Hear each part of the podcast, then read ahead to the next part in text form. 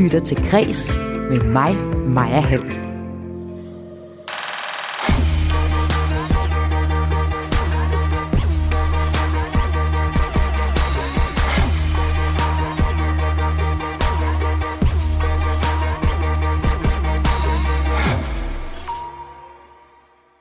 Du finder kun én kvinde på litteraturkanonen til de danske gymnasieelever. Og det er for dårligt. Det mener første gæst her i dit daglige kulturprogram Græs her på Radio 4. Og den gæst, hun bliver udfordret af tidligere formand for Gymnasieskolernes Rektorforening, der mener, at der er rigeligt med repræsentation i kanonen. Jeg kan ikke forstå, hvorfor, øh, hvorfor man ikke skulle kunne udfolde øh, kvinders vilkår under det moderne gennembrud ud fra læsninger i Herman Bangs forfatterskab. Og den snak, den tager vi først her i udsendelsen, der ellers også skal handle om X-Factor. Kan du huske nogen som helst af vinderne? Måske lige ud over X-Factor Martin, som vandt den første udgave af talentshowet, så har de det altså med at gå i glemmebogen. Men det er slet ikke en skæbne, som sidste års vinder, Solvej, frygter. For hendes musik- musikkarriere er først lige gået i gang. Og i dagens udsendelse, der får du en snigpremiere på den.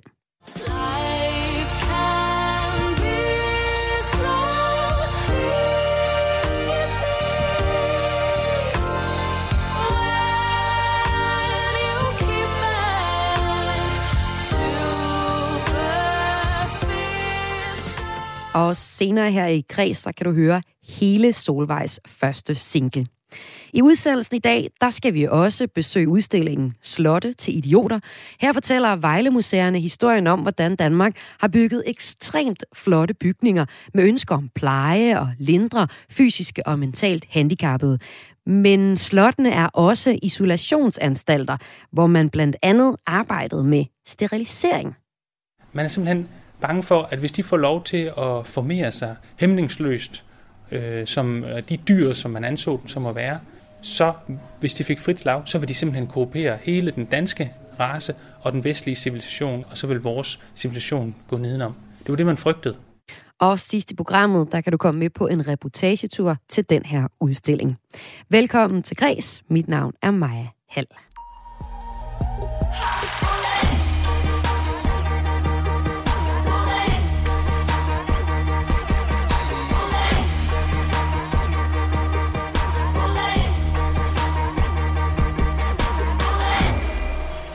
Hvis dig, der lytter med, har gået på gymnasiet inden for de sidste små 20 år, så har du sikkert læst Sten Stensen Blikker, Herman Bang og måske Tom Christensen. De står nemlig alle på listen over danskfagets litteraturkanon i gymnasiet, og alle gymnasieelever i dag skal læse mindst én tekst af dem. På den her liste, der finder du kun én kvinde. Det er Karen Bliksen. Og det blev kritiseret blandt andet i går, da Folketingets børne- og ungeudvalg afholdt en åben høring, høring om danskfagets litteraturkanon. Og en af dem, der holdt oplæg til den her høring, det var min første gæst i kreds i dag. Det er dig, Misha Slot Carlsen. Velkommen til. Tak skal du have. Du er lektor på Averhøj Gymnasium i Gentofte og forperson for Dansklægerforeningens sektion for det almene gymnasium og HF. Og så er du en af afsenderne på en underskriftindsamling, der handler om at opdatere danskfagets litteraturkanon, som lige nu har godt 2.000 underskrifter.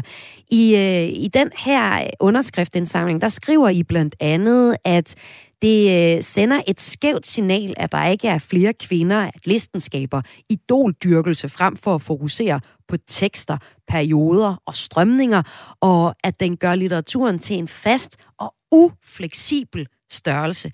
Altså, hvad er problemet helt konkret med danskfagets litteraturkanon, som den er i dag?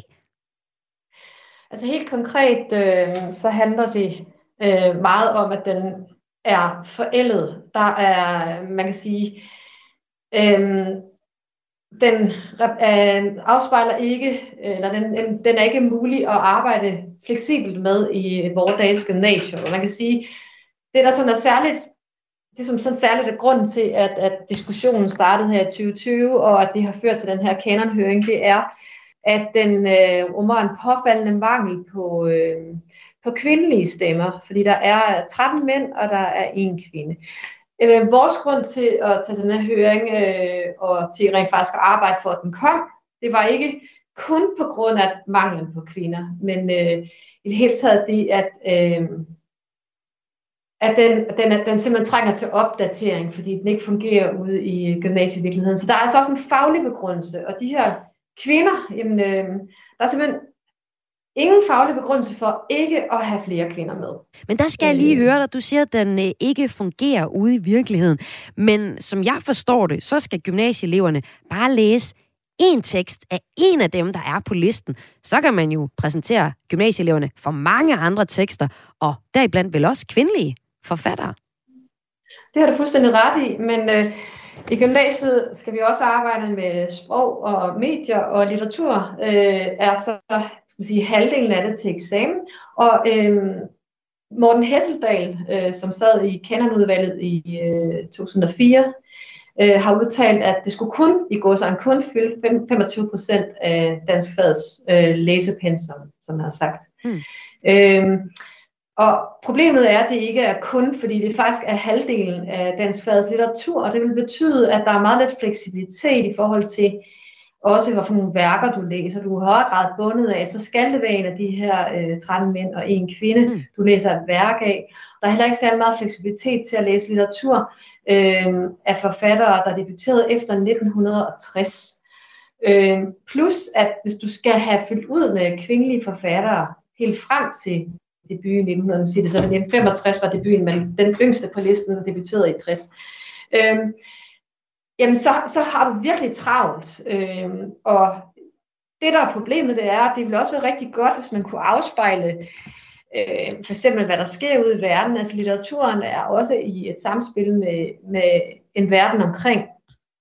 Og man kan sige, at den her liste i sin tid måske passede meget godt, det kan være, i 2004. Øh, den start, øh, blev så implementeret fra 2005.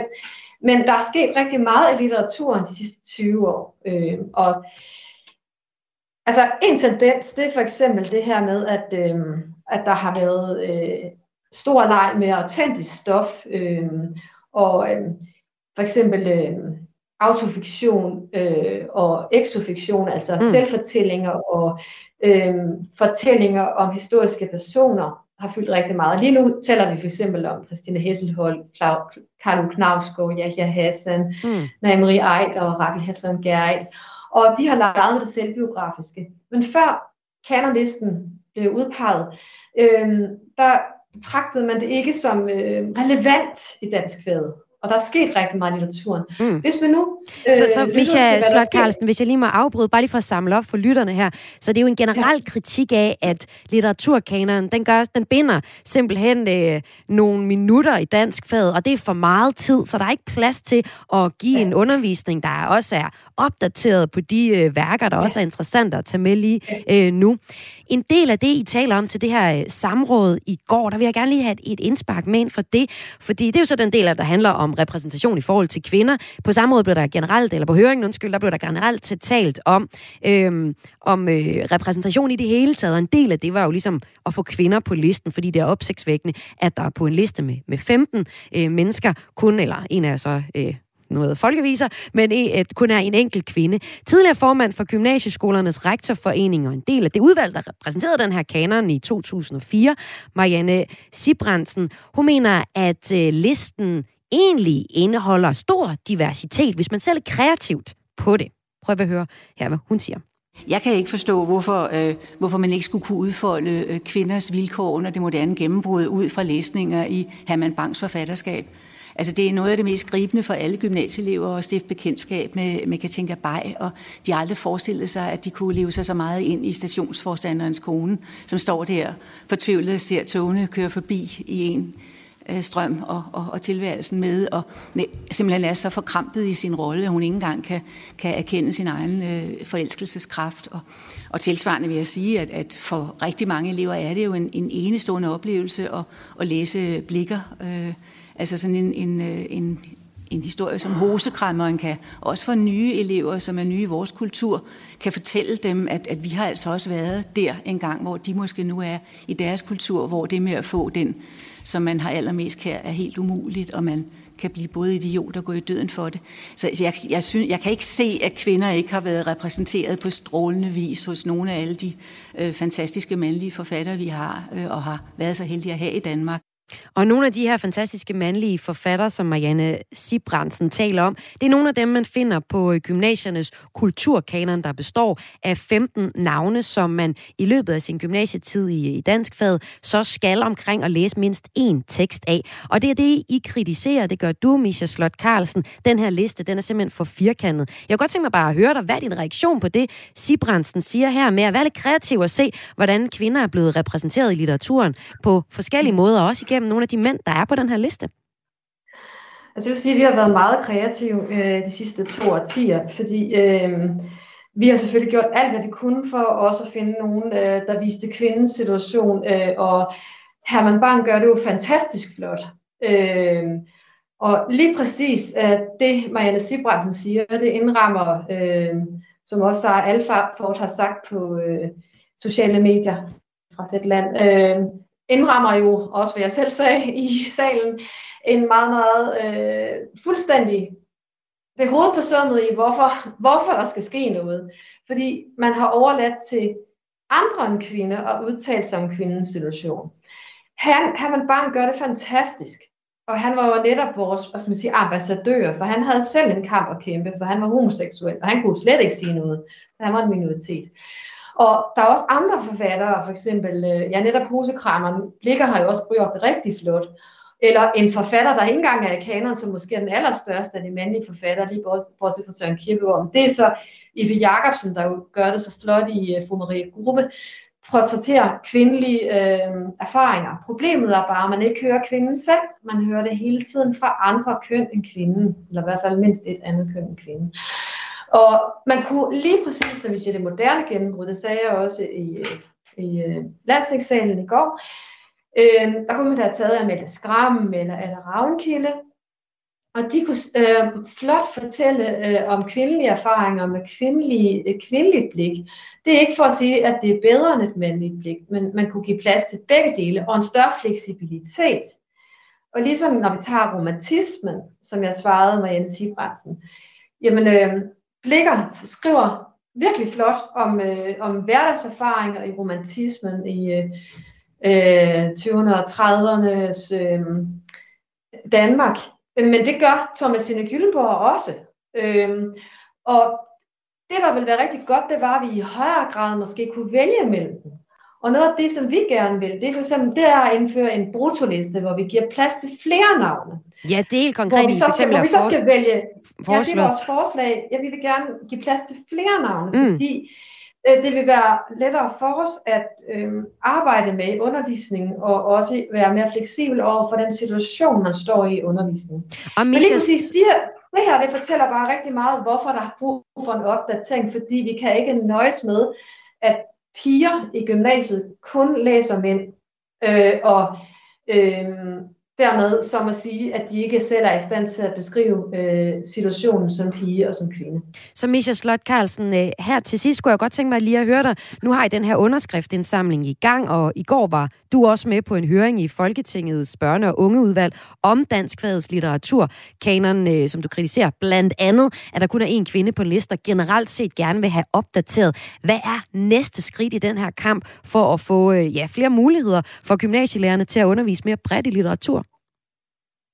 Så det siger, at en underskriftsindsamling var sidste forår, men, men, øh, men, og den øh, førte til øh, 2.000 underskrifter på to uger faktisk. Øh, men det vi rigtig gerne vil, det er at åbne op for en, øh, et nyt øh, fagligt øh, kanonsyn med en øh, brutoliste på 30 afdøde forfatter, hvor vi fylder op med langt flere, øh, end der er nu, Heraf de, også de vigtigste kvindelige stemmer. Den er stadig ikke med overvægt til kvinder, så bare roligt de der frygter, at kvinden kan udtrykke sig, øh, øh, kan, kan godt sove godt. Og vi har ikke tænkt os at fjerne dem, der er. Vi vil gerne fylde ud.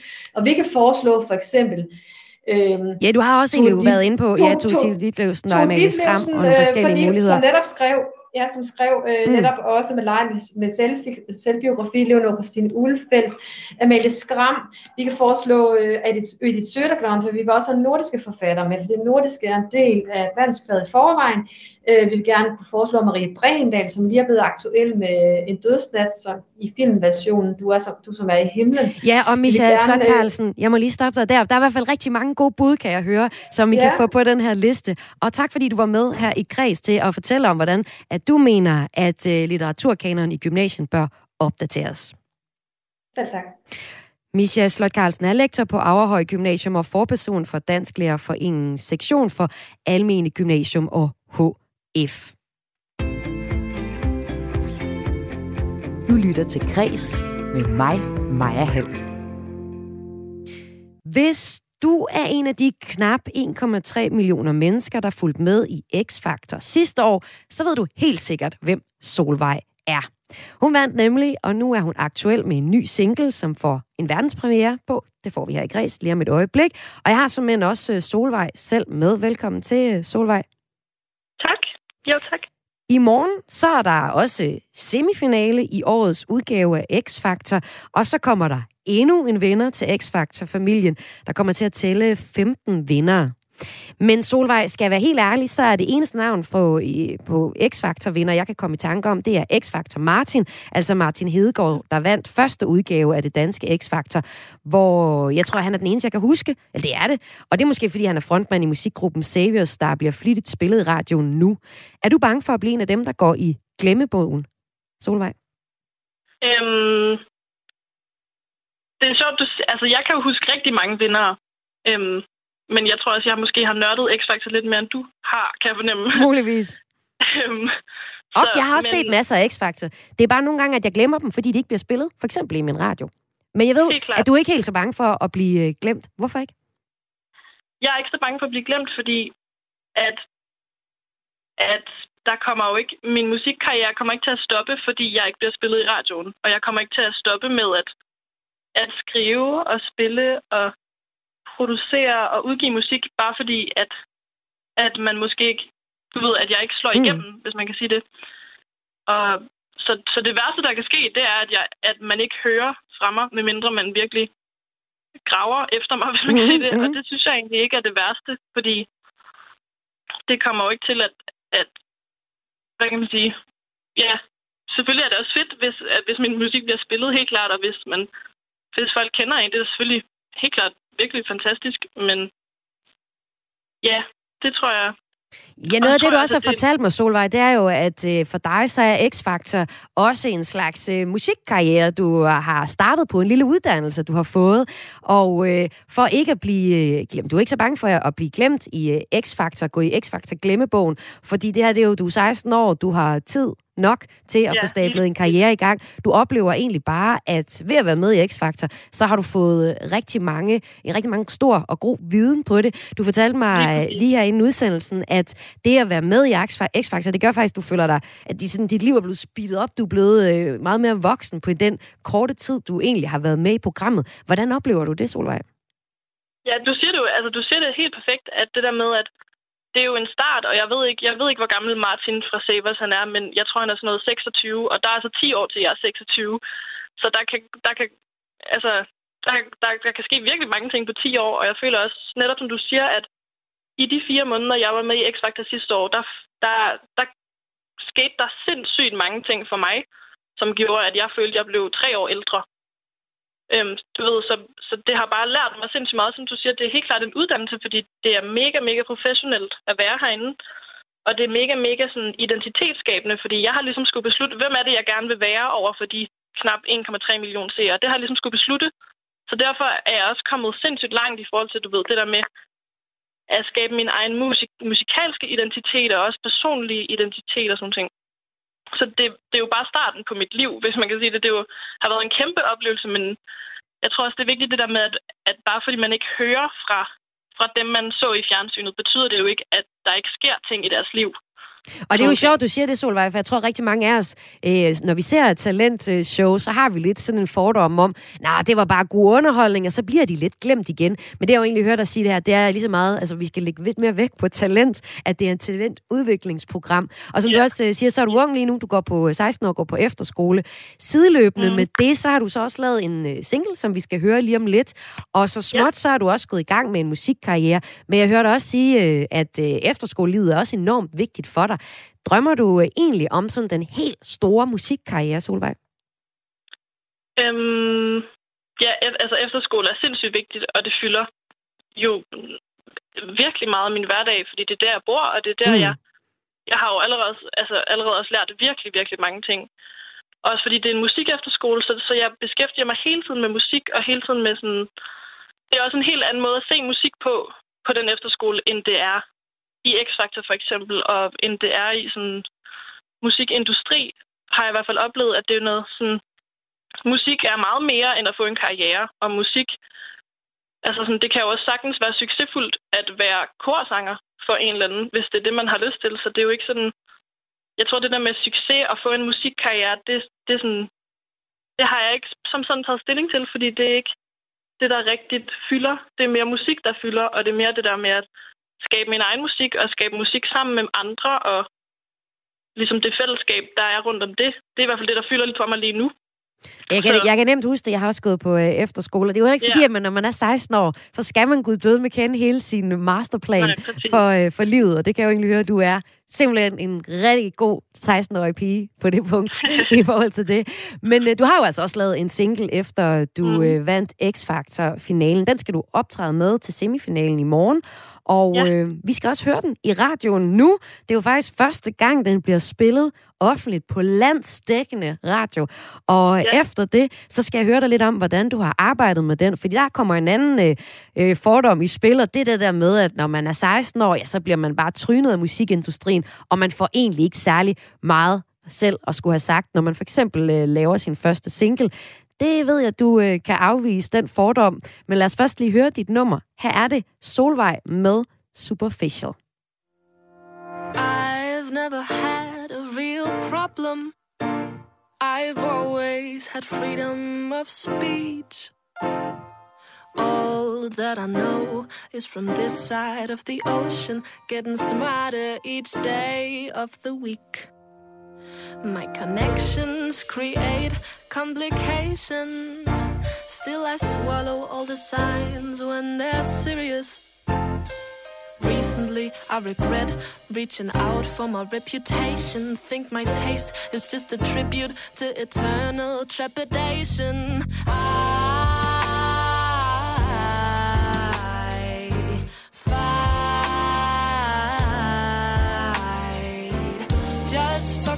and just for fun. That's the side that I'm standing on. I've never had a real problem. I've always had water to drink.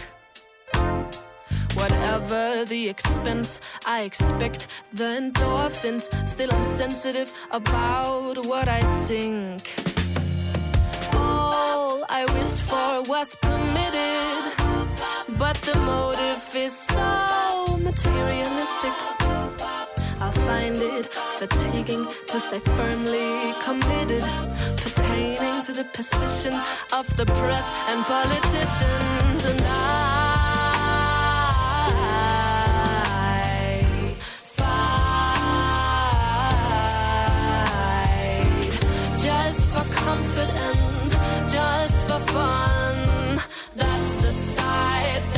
understand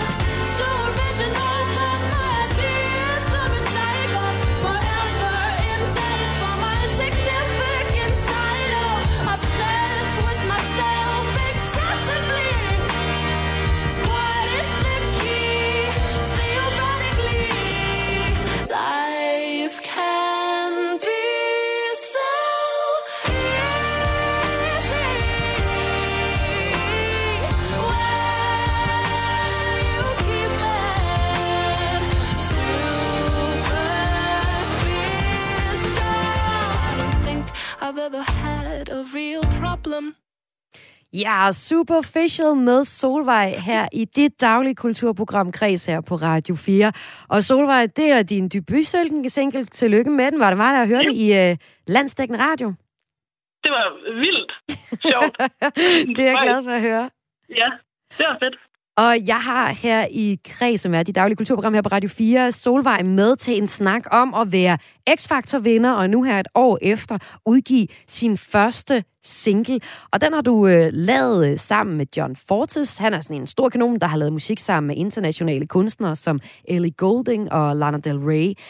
Jeg sagde lige herinde nummeret, at vi skulle snakke lidt om den der fordom om, at øh, når man er 16 år, som du er, og kommer ind i den store musikmaskine, så bliver man klemt og glemt, og det er egentlig bare ens øh, ydre og stemme, som de kan bruge til noget. Men det er jo faktisk slet ikke sådan, at du har oplevet samarbejdet, for eksempel med John Fortes. Hvordan har det været? Ja, heldigvis. Altså, jeg har jo virkelig hørt sådan nogle, som du siger, skræmme historier om det der med, så kommer man bare ind, og så skal du bare lave en god popsang, som folk lytter til, og du skal bare skynde dig, fordi nu har du omtale, og det skal bare være nu.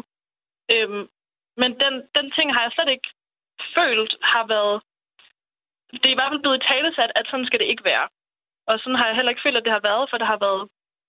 Både med John, altså det har været, det var virkelig fedt at arbejde med ham, fordi øh, jeg vandt i X-Factor gave, eller hvad man kan sige, mm. en tur til London, hvor jeg mødtes med tre forskellige ret anerkendte producer, som du siger har arbejdet med mange sådan, øh, øh, internationale navne og sådan mm. ting.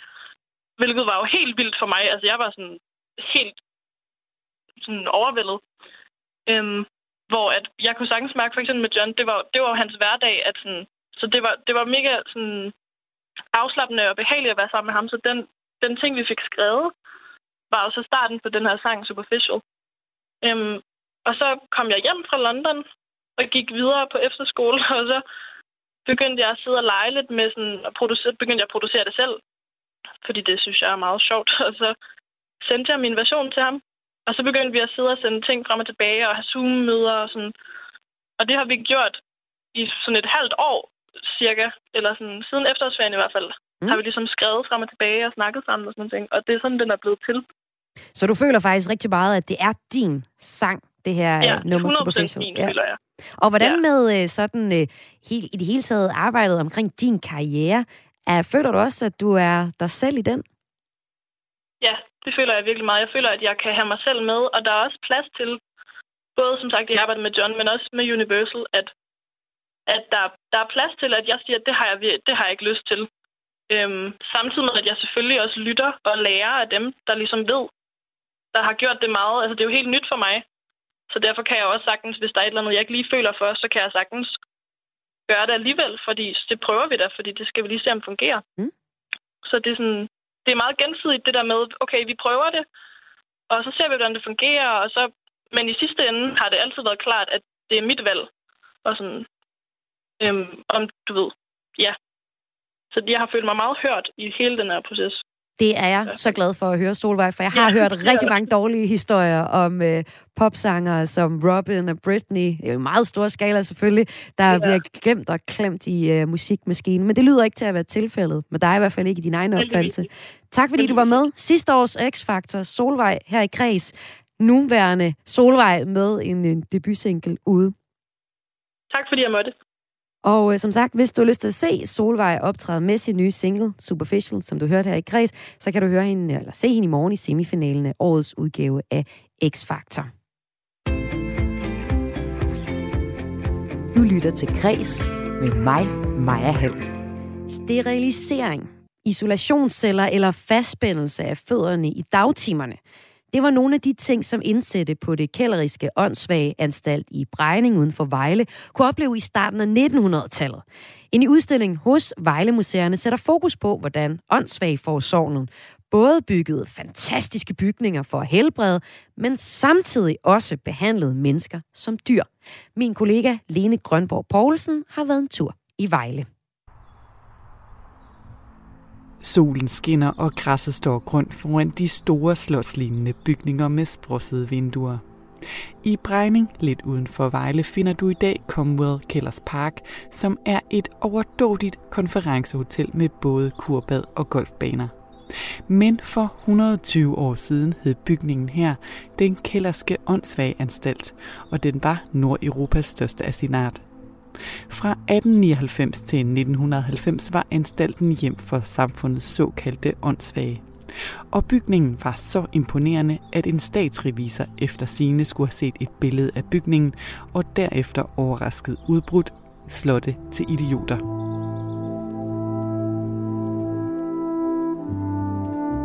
Grunden til, at vi har valgt at lave den her udstilling, det er for at fortælle om de unormale, og hvad vores samfund har gjort ved det, og hvad vores velfærdsstat har gjort ved de unormale. Det her er museumsinspektør Rasmus Skovgaard Jacobsen, som er en af kræfterne bag udstillingen Slotte til Idioter, som i dag åbner hos Vejle Museerne. Jeg besøgte ham et par dage inden premieren, hvor han midt i byggerodet kunne give mig historien bag. Og for Rasmus er det vigtigt, at udstillingen både fortæller om de positive og negative konsekvenser af datidens sociale arbejde. Åndssvagforsorgen, den var førende inden for omsorg og medlidenhed over for de her åndssvage mennesker, men i lige så høj grad førende inden for racehygiejne. Øh, og derfor har vi kaldt udstillingen Slottet til idioter. Og vi står faktisk nu her ved et slot, som vi har forsøgt at genskabe inde i udstillingen øh, af pap, for ligesom at illustrere den her, øh, den her, det her ønske om at give det bedste overhovedet til de åndssvage. Men så synes jeg, at vi skal gå igennem porten på det her papslot, I har bygget, og bygget her, og så gå øh, ind her i den næste afdeling, som handler om racehygiejne. Og når vi kommer herind, så ser vi så to plancher. Den ene, den forestiller Christian Keller, overlæge ved den Kellerske åndsfage anstalt. Og på den anden, så ser vi Karl Christian Steinke, som var socialdemokrat, justitsminister og socialminister fra 1929 til 1935. Hvorfor er det, at I har de her øh, plancher eller levende billeder af netop de to mænd? Altså, Christian Keller, det var ham, der skabte anstalten. Det var ham, der rykkede åndssvagforsorgen væk fra Sjælland og over til Fyn og Jylland. Karl Christian Steinke har vi taget med, øh, fordi at det var ham, der ligesom pushede det her racehygiejne igennem i, øh, i rigsdagen. Han var minister under, øh, øh under Stavnings regering, og øh, ved det der berømte kanslergade forlig i øh, 1930'erne, hvor, han får skabt, hvor man får skabt den danske velfærdsstat, og man gør fattigdom ikke til en, øh, noget, noget dårligt, en almissekultur, men derimod noget, det er okay at være. Det var ikke okay at være fattig før. Derfor har han også indført racehygiejne, og han får indført af myndighederne i alle kommuner. De skal simpelthen sige til, øh, til, til åndssvagforsorgen, at vi har en åndssvag, og så skal de sende personen til åndssvageanstalten. Så han får ligesom skabt sådan et system, hvor man indsamler de, de åndssvage. Man er simpelthen bange for, at hvis de får lov til at formere sig hæmningsløst, øh, som øh, de dyr, som man anså dem som at være, de primitive væsener, som man anså dem for at være, så hvis de fik frit slag, så vil de simpelthen koopere hele den danske race og den vestlige civilisation og egentlig i udgangspunktet den hvide mands race, og så vil vores civilisation gå nedenom. Det var det, man frygtede. Og derfor laver man simpelthen sådan en lov, hvor man siger, øh, at de skal steriliseres, de skal institutionaliseres, og de skal kontrolleres og umyndiggøres. Og det var det, han var med til at skabe. Det er derfor, vi har Steinke i vores udstilling. Og hvordan endte man på en af de anstalter her? Øh, man kom simpelthen til den lokale læge, og den skulle så foretage en, en undersøgelse. Og vi har faktisk et schema liggende herover, øh, hvor vi har lavet udgangs, øh, taget udgangspunkt i de her tests, med de åndssvage, de blev udført for, og jeg tager den lige op her. Øh, Schema til intelligensprøverne står der. Ja, nemlig. Så øh, først så blev man øh, simpelthen, så spurgte man ind til, at den her øh, person, er der noget i vedkommendes familie, som som er sindssygdom, eller epilepsi, eller hysteri, eller sukkersyge. Det var også et degenerationstegn. Og så karaktervurderede man så personen. Anså man den her person som slæsk, løgnagtig, hysterisk, erotisk, doven, voldelig. Det var alt sammen med til at være øh, øh, negativt. Og så, blev man, og så først derefter begyndte man at snakke med vedkommende, som man troede eller formodet var åndssvag. Og så spurgte man en masse spørgsmål. Og vi har så trukket nogle af de, de bedste ud her. Øh, for eksempel, øh, hvorfor løber vandet i vandløb? Nævn de 10 bud. Ja, man skal jo både her kunne øh, nævne de europæiske floder og nævne de 10 bud. Man kan hurtigt komme i problemer. Ja, helt sikkert. Og det var jo på en eller anden måde standardviden dengang. Det var det, de blev undervist i. Det var sådan noget repetitionsviden, man blev undervist i i skolerne. Og hvis de her øh, potentielle åndssvage, de ikke kunne svare på de spørgsmål, så anså man dem som, som øh, dyriske og primitive. Og vi skal også tale lidt om, hvordan hverdagen var på sådan en anstalt, og jeg ved, du har et eksempel på noget af det, man kunne blive sat til herovre i den anden ende af udstillingen. Skal vi gå og se det? Jamen nu er vi så kommet over til det her sted, som er et eksempel på, hvad man kunne blive sat til at lave på en anstalt som den her. Og det er sådan set bare et bord og nogle stole. Hvad går det her ud på? Jamen det går ud på, at øh, der var to grupper på anstalten. Der var dem, man anså som dulige, de skulle arbejde, og det var det, de skulle. Og så var der de udulige, idioterne, øh, sænkerne, de imbecile. Øh, de havde syge hjerner, og de kunne ikke noget som helst. Så det, man gjorde ved dem, det var, at de skulle have en seng at sove i, og de skulle have mad, og det var det. Og øh, når de sådan stod op om morgenen og havde fået morgenmad, så derefter så blev de simpelthen sat ind i opholdsstuen, og så for at sikre sig, at de ikke gik væk, så spændte man deres fødder væk, øh, fødder fast, og så sad de simpelthen bare hele dagen i opholdsstuen, indtil det var frokost, og så blev de sat ind i opholdsstuen hele dagen igen, og der var ikke noget aktivitet. Men øh, jeg tænker, du kan få lov til at prøve at sidde her ved Jeg prøver at sætte mig her, ja.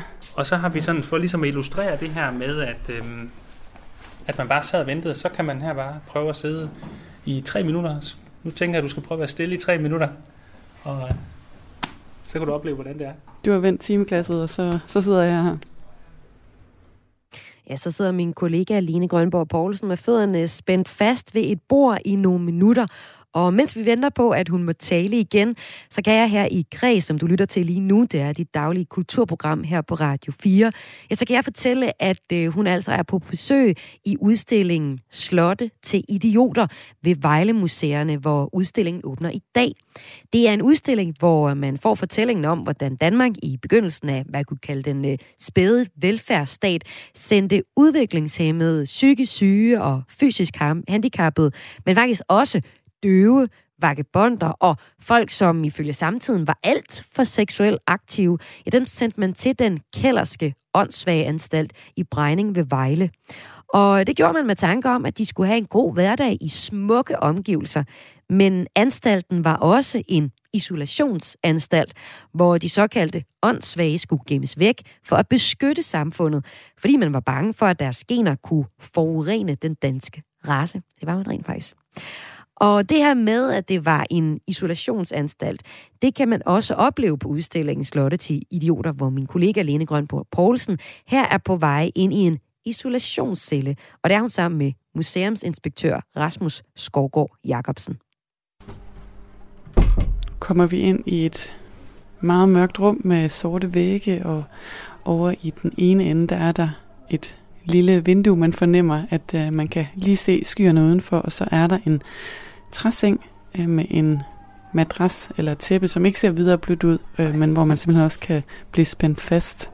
Det var her, altså en stor del af hverdagen på anstalten var bare blevet placeret og anbragt. Men hvis man ikke overholdt reglerne, så, øh, så blev man straffet. Og det kunne man gøre på forskellige måder. Man kunne blive sat i ene værelse i ugevis, eller man kunne blive fastspændt til sin seng, øh, eller man kunne blive begge dele. Og det er det, vi ligesom forsøger at, at vise herinde i vores, øh, øh, en genskabelse af en, øh, en isolationscelle, som har været op under taget.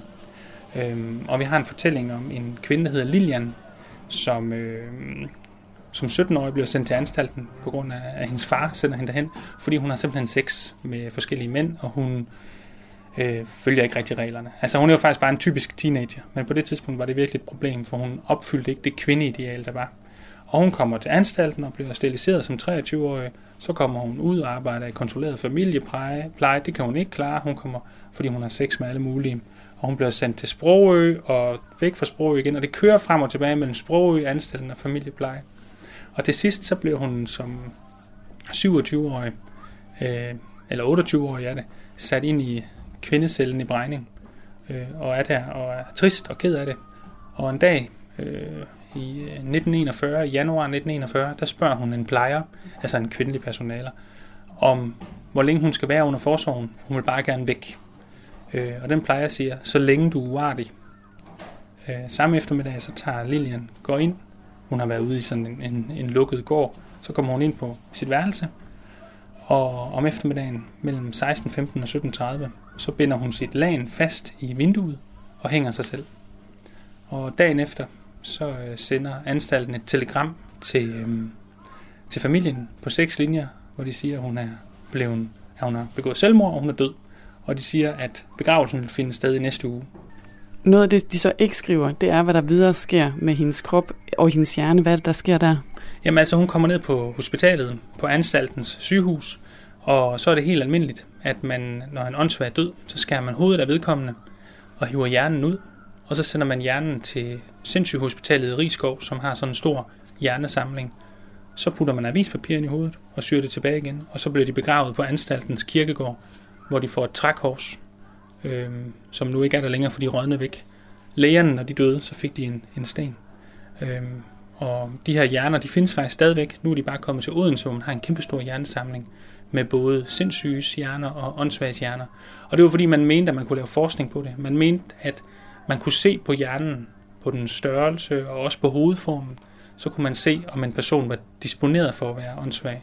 Så for eksempel kiggede man på hovederne, om, om ens øreflipper var frie, fordi hvis de ikke var frie, så var det anset som et degenerations, øh, eller et defekt, et defekt, en defekthed i, i ansigtet. Skal vi bevæge os ud i udstillingen ja. igen? Grunden til, en af grunden til, at vi også laver den her udstilling, det er også fordi, at der i rigtig mange år har ikke været særlig meget fokus på det her med åndssvage forsorgen og særforsorgen og, de, og dem, der er forkerte i samfundet. Men de seneste år er der faktisk sket en ændring i det. Man har nedsat en særforsorgskommission, som snart kommer med sin udtalelse her, øh, forhåbentlig i løbet af foråret. Øh, og man har øh, haft på andre museer også nogle udstillinger. Der er lige været åbnet en udstilling om mændene på Livø, som vi hørte under anstalten her, øh, hvor at, at øh, de seksuelle for, seksualforbryderne og de voldelige mænd blev sendt hen. Så det er simpelthen en, en ting, der er ved at komme op i samtiden med, med åndssvagforsorgen og hvordan vi har behandlet de her mennesker. Og på mange måder trækker det jo også linje op til i dag. Øh, Danmark var førende inden for racehygiejne og, øh, og, og også omsorg for de åndssvage i starten af 1900-tallet. Og vi ender faktisk også med, at efter 2. verdenskrig, så blev vi også førende i at ændre åndssvageforsorgen.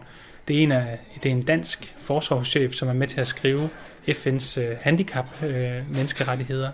Og vi er også et af de første lande, hvor der kommer, øh, hvor de udviklingshemmede selv får deres helt egen organisation og deres helt eget talerør. Det findes ikke øh, i andre lande.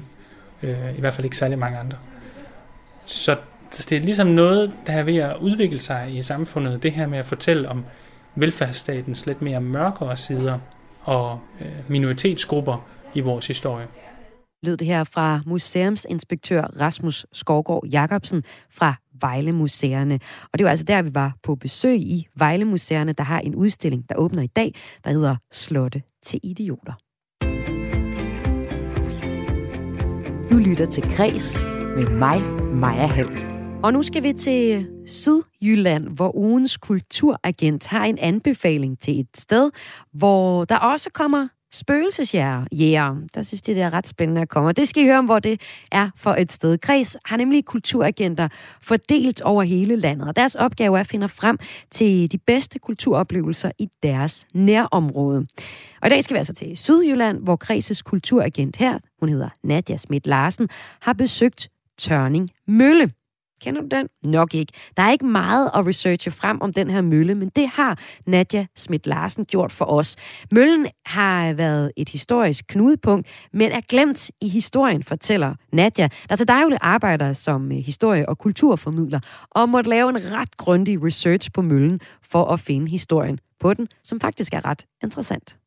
Tørning Mølle er nævnt for første gang i 1331. Den har lagt ved siden af noget, der hedder Tørningborg, som i sin tid tilbage i 1200-tallet øh, har været kendt som Danmarks eneste bjergborg. Så, så man kan sige, at Tørning Mølle det er noget, der trækker tråde langt tilbage i historien. Og det er en mølle, som der har været i brug, mener man, lige så længe, som der har været liv i området. Så historisk set for Danmark, så har den ligesom været lidt et, eller i hvert fald for Sønderjylland, har den været lidt et knudepunkt og et brandpunkt for både nogle krige og for nogle historiske øh, events, ligesom den har øh, dannet rammerne for industrialiseringen hernede på mange måder, også igennem det her vandværk og, og, og mølledrift. Så det er en mølle, der kulturhistorisk er meget, meget vigtig, men er meget, meget glemt i min optik. Ja, og jeg synes, det er meget interessant, at du har valgt den her Tørning Mølle som øh, din anbefaling som kulturagent i øh, Sydjylland, hvor du, øh, Nadia Schmidt Larsen, altså er kulturagent for Kreds. Fordi når jeg går ind og googler Tørning Mølle og kommer ind på Tørnings Mølles hjemmeside, så uden at fornærme for meget, så vil jeg sige, der er ikke meget information at hente om, hvad det er for et historisk sted. Så øh, Nadia, hvordan fandt du på at tage hen og besøge Tørning Mølle? Ja, altså fandt på og fandt på, det er faktisk ikke noget, jeg har fundet på, men noget, vi har brugt i min familie igennem ja, mange årtier, og, og det har altid fungeret som et sted, hvor vi er sådan rekreativt, hvis vi har, altså sidst, hvor jeg mistede min bedstefar, så har vi gået tur ud ved, ved Tørning Mølle, for udover at den har de her historiske nedslagspunkter, og har øh, været altså en essentiel del af både nogle krige og øh, altså tilbage til middelalderen og alt, alt det historie, du overhovedet kan tænke på Danmark, det er bare proppet ned i det her lille, lille bitte sted. Men så er naturen derude, den er helt, helt, helt fantastisk. Og det er ikke usandsynligt, at hvis man går fra Tørning Mølle, der kan du gå ned til øhm, Christian Dals, øh, et vandværk, der ligger øh, nede i, igennem en skov, øh, hvor du går langs sådan en å, og her ser vi bare så tit øh, isfugle. Så det er sådan, mm. det er enormt rekreativt og historisk virkelig, virkelig flot område, der er bare ikke noget formidling på det, eller noget markedsføring på, på stedet. Så hvordan bærer man sig ad, hvis man tager hen og besøger Tørning Mølle? Man kan finde den på Google Maps, hvis man er i tvivl om, hvor det er henne. Men det er altså et sted i, i Sydjylland. Hvordan øh, skal man så opleve det? Skal man have en, et leksikon med, eller, eller hvordan finder man ud af, hvad det handler om? Ved du hvad, man skal øh, downloade uh, Radio 4 Kreds uh, podcast, og så skal man scrolle ind på, hvad der kommer af informationer nu. Ej, det er Værsgo. Jo, take it away, Nadia Schmidt Larsen, fordi du er jo også, udover at være Kreds' kulturagent, som altså anbefaler Tørning Mølle, ret historieinteresseret. Så prøv lige at fortælle, hvad er det for et historisk sted? Altså, som jeg nævnte tidligere, så, så trækker, altså, den er nævnt første gang i 1331, og den lå ved siden af Tørningborg. Øh, og på det her tidspunkt skal vi huske, at Danmark det har været sådan en multikulturel national stat, hvor faktisk 40 procent af danskerne de talte tysk. Fordi vi havde jo de her øh, hertugdømmer, øh, Slesvig-Holsten og, og, og så videre, hørt under Danmark. Så der har været en del stridigheder øh, i området, og, og faktisk i sådan en grad, at Valdemar Atterdag af to omgange i henholdsvis 1351 og 1372 belejrede borgen øh, med op til 500 mænd, hvor der blev bygget både sådan nogle modborge og kastemaskiner, og begge gange blev han altså slået tilbage, øh, da som sagt hans adelige modstandere, de, de fik hjælp af, af Slesvigsk holstenske venner. Så historisk øh, set, så er det jo også et lod, som Sønderjylland har ligesom skulle være igennem flere gange. Øh, og man ser også, øh, der er et sted, der henter også hedder Tingstedet, hvor der, øh, det, mener jeg også går tilbage til 1200-tallet, men omkring 13-1400-tallet, der byggede man decideret, nej, det er vist 1500-tallet, et tinghus, men altså et sted, hvor der har været noget rettergang, øh, og, og blevet afsagt nogle, nogle domme og så videre. Øh, og der kan man sige, Øh, på det her tinghus, der var der også, ligesom vi ser på, på Skamlingsbanken, nogen, der sagde, vi ønsker ikke at tale øh, tysk, som man ellers skulle øh, i øh, Øh, retssager og, og så videre. Vi vil tale dansk. Øh, så, så her er der også blevet, øh, jeg mener, der blev lavet en eller anden inskription i en tavle og så videre, at der, der var en mand ved navn Hans, som, øh, som gjorde, at, at øh, faktisk kong Christian den 8. Øh, gav sin opbakning til, at, at Danmark, ligesom, at der skulle tales dansk i, i retssalen, og så rullede øh, lavinen ikke også i, i 1840'erne, hvor vi begyndte med at, at miste en del af Danmark og så videre. Så, så selv her har det været et sted, hvor historien ligesom har, altså de her nationale vinde, der kom helt ned fra Frankrig og sådan noget, de blæste også hen over Danmark på den her tid, og, og vi som danskere, især i Sønderjylland kan man sige, hovedsageligt, har følt os sådan lidt øh, misforstået, fordi at vi faktisk talte tysk langt op i tiden, ikke? Øhm, men for at komme tilbage til det, selve formidlingen på Tørning Mølle er faktisk øh, rigtig ringe, hvis man skal være helt ærlig. Man kan ringe ind til et telefonnummer, så kan du få, øh, eller en telefonguide, tror jeg, de kalder det, så kan du få tre forskellige historier fortalt. En god historie, en sjov historie og en virkelig grov historie. Og de her historier, de fortæller sådan lidt ind i, jamen, hvem har ejet møllen, øh, og, og hvem har ligesom haft sin gang der, hvordan var de her adelsmænd at arbejde under. Det var jo noget med, at de her bønder, der boede i området, de skulle jo arbejde gratis for, for, for mølleren, og, og øh, man skulle spise på den her mølle. Men det, jeg egentlig synes er lidt spændende ved Tørning Mølle, det er på et tidspunkt, øh, der har det her, og nu, nu går det måske lidt, lidt ud over det sådan øh, kildehistoriske korrekte, men der i 2016, der besøgte de her Paranormal Danmark Tørning Mølle og fandt ud af, at der om natten, der vandrer der bare spøgelser her. Åh, oh, altså, øhm, par- altså sådan nogen, der går ud og tjekker, om der er spøgelser forskellige steder. Ja, lige ja. præcis. Og den, der den er forening, faktisk... de drop, eller hvad skal man sige, gruppe af mennesker, de, øh, de besøgte stedet. Ja, det gjorde de. Og, og der ligger faktisk nogle links til videoer, hvor man kan se, hvor ting bevæger sig og sådan noget. Fordi det er jo, øh, selve møllen, det er sådan en seks etagers høj, gammel, gammel mølle. Og hver eneste gang, jeg er taget ned til Tørning Mølle, som er et fantastisk smukt sted, og en dal, og alt det her natur, ikke også, der bare er omgivet, så møllen, den ligger ligesom. Og man tør faktisk ikke gå hen og røre ved den, for jeg er bare overbevist om, at der sker et eller andet dårligt. Men man kan mærke det på stedet, at der bare er et eller andet overnaturligt. Så, okay, øhm, Nadia Schmidt Larsen, du er kredsets kulturagent øh, fra Sydjylland, og du anbefaler et besøg på Tørning Mølle.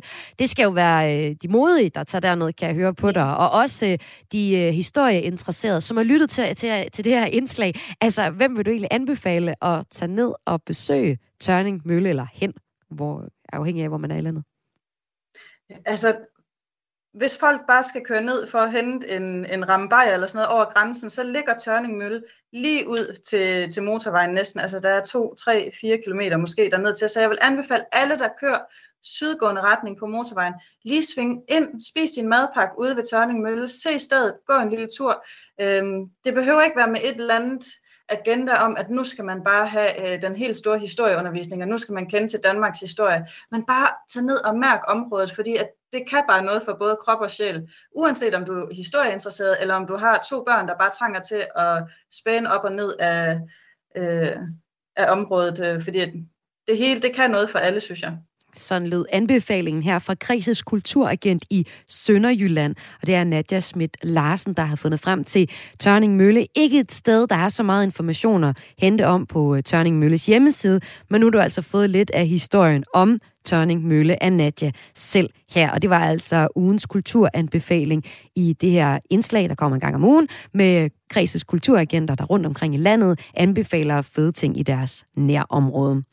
Det her, det var næsten kreds for i dag. Jeg slutter selvfølgelig lige af på et nummer, som relaterer sig til det, vi har talt om i dag. Programmet var tilrettelagt af Søren Berggren Toft, Lene Grønborg Poulsen og Esben Lund. Og så havde jeg jo Solvej med, X-Factor Solvej med her i programmet, som præsenterede sin øh, første single. Hun vandt sidste år årets X-Factor, og nu er hun altså aktuel med øh, nummeret Superficial, og det slutter vi af med i kreds i dag. I've never had a real problem. I've always had freedom of speech. All that I know is from this side of the ocean, getting smarter each day of the week. My connections create complications. Still, I swallow all the signs when they're serious. Recently, I regret reaching out for my reputation. Think my taste is just a tribute to eternal trepidation. I fight just for comfort and just for fun. That's the side that I'm standing. Never had a real problem. I've always had water to drink. Whatever the expense, I expect the endorphins. Still, I'm sensitive about what I think. All I wished for was permitted, but the motive is so materialistic. I find it fatiguing to stay firmly committed, pertaining to the position of the press and politicians. And I fight just for comfort and just for fun.